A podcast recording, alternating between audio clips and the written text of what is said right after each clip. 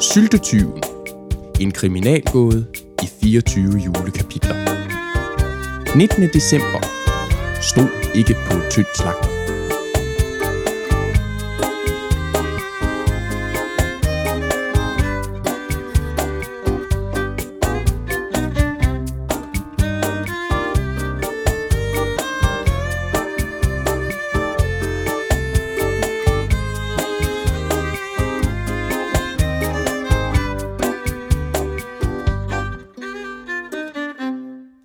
Det er den 19. december. Tid for kravlenæseskjul, tid for flæskestegssul, og ikke mindst tid for en god fortælling. I går var en stille dag i den lille by. Alle var de hårdt ramt oven på det ædegilde, der havde fundet sted aftenen i forvejen. De havde forspist sig i en sådan grad, at kun en reparationsstram på husets regning kunne hjælpe lidt på dagen derpå kvababelserne. Selv pastoren, som ellers generelt holdt sig fra spiritus, tyede til en enkelt ram. Snakken udviklede sig ganske uventet til at dreje sig om særlige navne for forskellige dyrefødsler, hvor slagteren og bageren endte med at blive ganske uenige og endda tyede til fornærmelser af hinandens erhverv. Debatten blev så ophedet, for ikke at sige tåbelig, at pastoren til sidst fik nok af de to og forlod selskabet. Alt imens diskussionen kørte fuldstændig af sporet, var den lille nisse igen på rov i slagterbutikken. Til sidst hørte vi, hvordan pastoren endnu en gang måtte opgive at skrive på sin store juleprædiken, da tankerne simpelthen ikke ville samle sig for ham.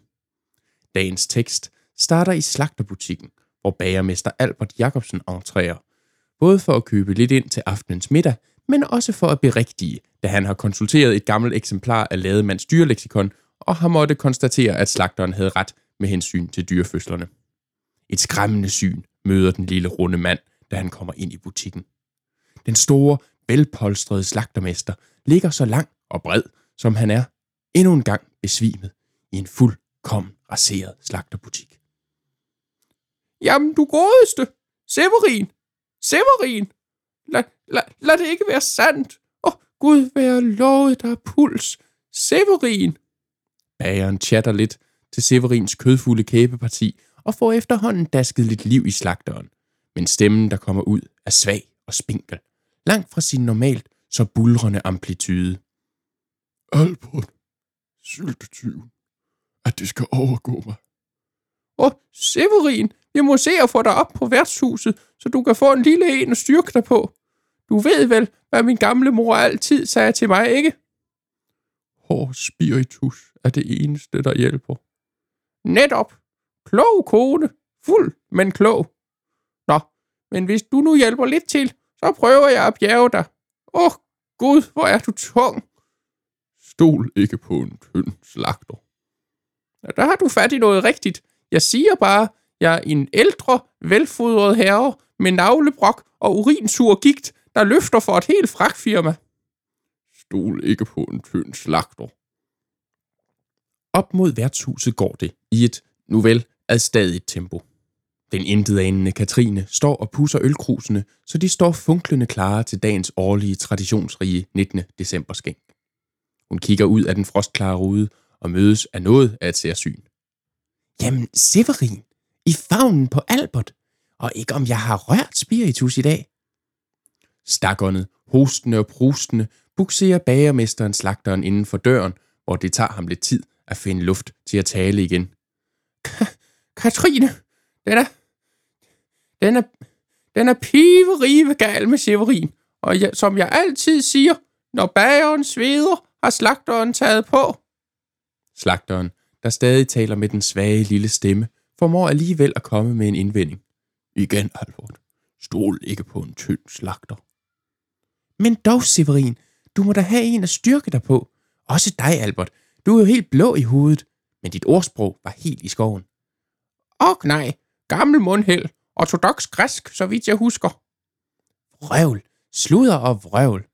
Nå, her, Severin, dobbelt på huset. Du ligner et spøgelse. Et meget voluminøst spøgelse, men dog et spøgelse. De gentagende fornærmelser bringer efterhånden lidt liv tilbage i slagtermesteren, der langsomt genvinder sit gamle temperament. Det er sjovt, som alle kommenterer på min vægt i dag. Og så op mod jul hvornår må man så have lov at være tyk? Sol ikke på en tynd slagter. Undskyld, det var da ikke sådan ment. Ja, ja. Alt for lat. Tak for drammen. Det hjalp. Det var så lidt. Du begynder også at få lidt farve igen. Men tør man spørge, hvorfor sådan en entré? Det er vel ikke? Jo. Ja, himmel og makrelsalat, det er jo derfor, vi er her. Al den snak om min vægt fik mig nærmest til at glemme det. Butikken er rømmet. Syltetyven, Katrine. Syltetyvens lange, slimede tentakler, for jeg ved ikke hvilken gang. Nej, det er ikke sandt. Men kan det virkelig være landstrygeren? Hvordan skulle han have båret sig ad med at komme ind i byen?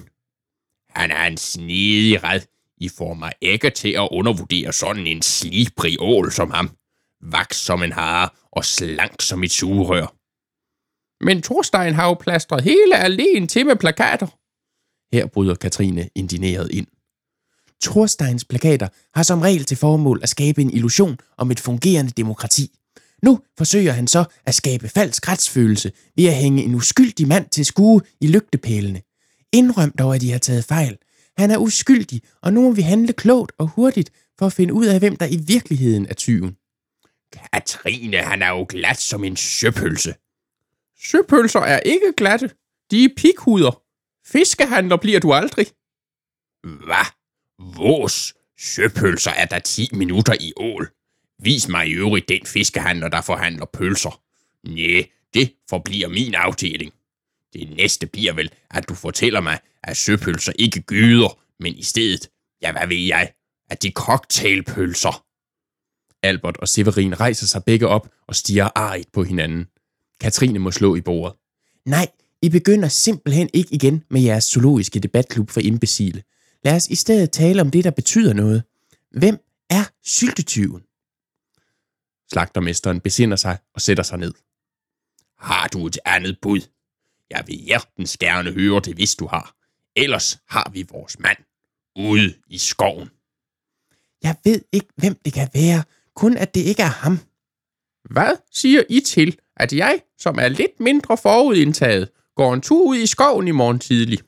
Så snuser jeg lidt rundt, taler med ham, hvis jeg møder ham, og så kan vi måske danne os et lidt mere eksakt billede af, hvad vi er eller ikke er oppe imod. Ja, gør det, Albert. Fornuftigt ræson. For en sjælden gangs skyld. Flommegris. Stol ikke på en tynd slagter. Vi forlader den ophedede stemning under værtshusets tag. Lad os i stedet spole frem til samme aften, hvor nissen sidder i et bøgetræ, ikke langt fra landstrygerens tilholdssted. Øh, jeg er ved at være ædertræt af den dumme sylte, kan jeg mærke. Men det handler om principper. En nisse bør behandles med respekt. En nisse må have grød. Nissen kigger sig omkring og får øje på landstrygeren, der ligger og sover indhyllet i de tæpper, Katrine har lånt ham. Et stænk af dårlig samvittighed melder sig. Åh, for pokker. Stakkels ham. Han har jo ikke gjort noget som helst. Der har de katten knurret med jokke i spinaten. Eller, eller har jeg? Nissen tænker sig om et kort sekund og får så en idé. Han kan da få en sylte. Det skal da ikke hede sig. Må ikke han bliver æderglad for den. Lige ned i bylden. Sådan. En gave fra nissen. Så er det da æderjul, var? En smuk gestus på sådan en rockhold decemberaften. Natten sænker sig, og alt under fred og ro, som det så bør og bør i december måned.